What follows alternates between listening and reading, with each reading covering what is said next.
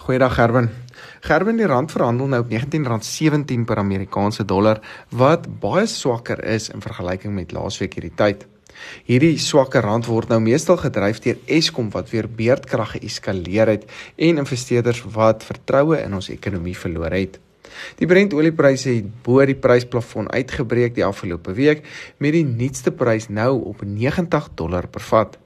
Laer globale produksie as ook verrassende ekonomiese syfers van China het pryse verby die 88 dollar merk gedruk.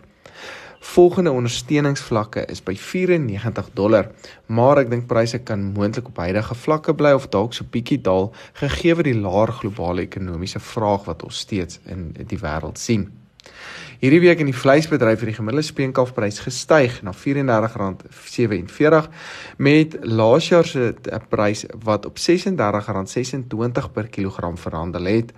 Die huidige prys is ongeveer 5% laer uh, as in vergelyking met 'n jaar gelede.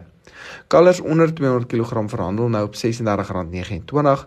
Kalvers tussen 200 en 250 kg is gemiddeld op R34.96, terwyl kalvers bo 250 kg of jou swaarder kalvers nou op R32.87 verhandel. Die gemiddelde A23 karkasprys het ook gestyg na R53.04 terwyl die C-graadprys gestyg het na R46.73. Om hierdie pryse in konteks te plaas, het die A23 prys laas jaar dieselfde week op R61.28 verhandel, terwyl C-graad pryse rondom R47.59 was. Ek voel ook dat die A en C graad pryse in 'n opwaartse tendens kan bly tot die einde van die jaar. Speenkalfpryse kan nou verder styg en teen middel van Oktober moontlik begin stagneer weens vraag wat dan kan afneem.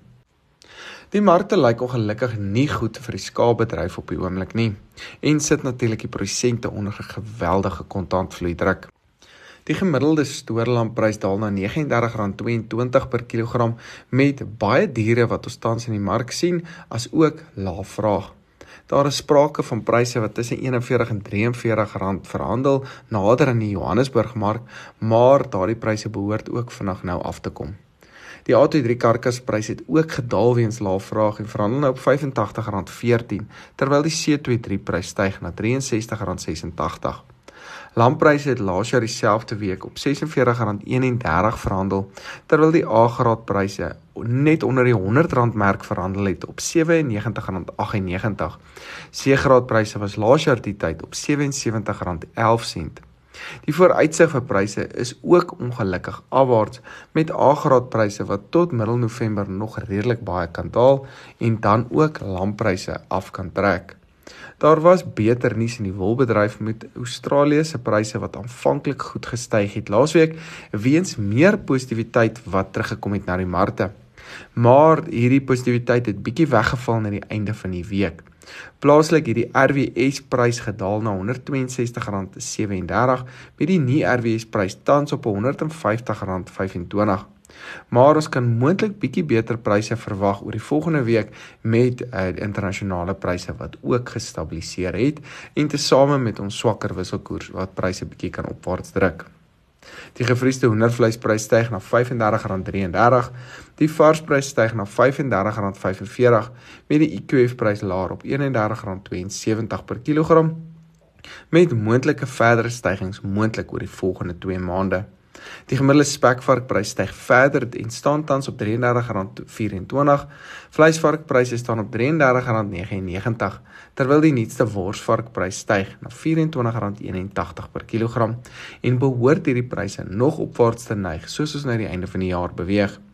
Dit gaan egter baie interessant wees waar hierdie pryse gaan begin stabiliseer gegee dat ons minder aanbod het maar ook minder vraag tans uh, beleef in vergelyking met laas jaar. Grootbokpryse het laasweek gedaal na R45.36, kleinbokke daal na R54.78 met bokkooipryse sywaarts op R41.43.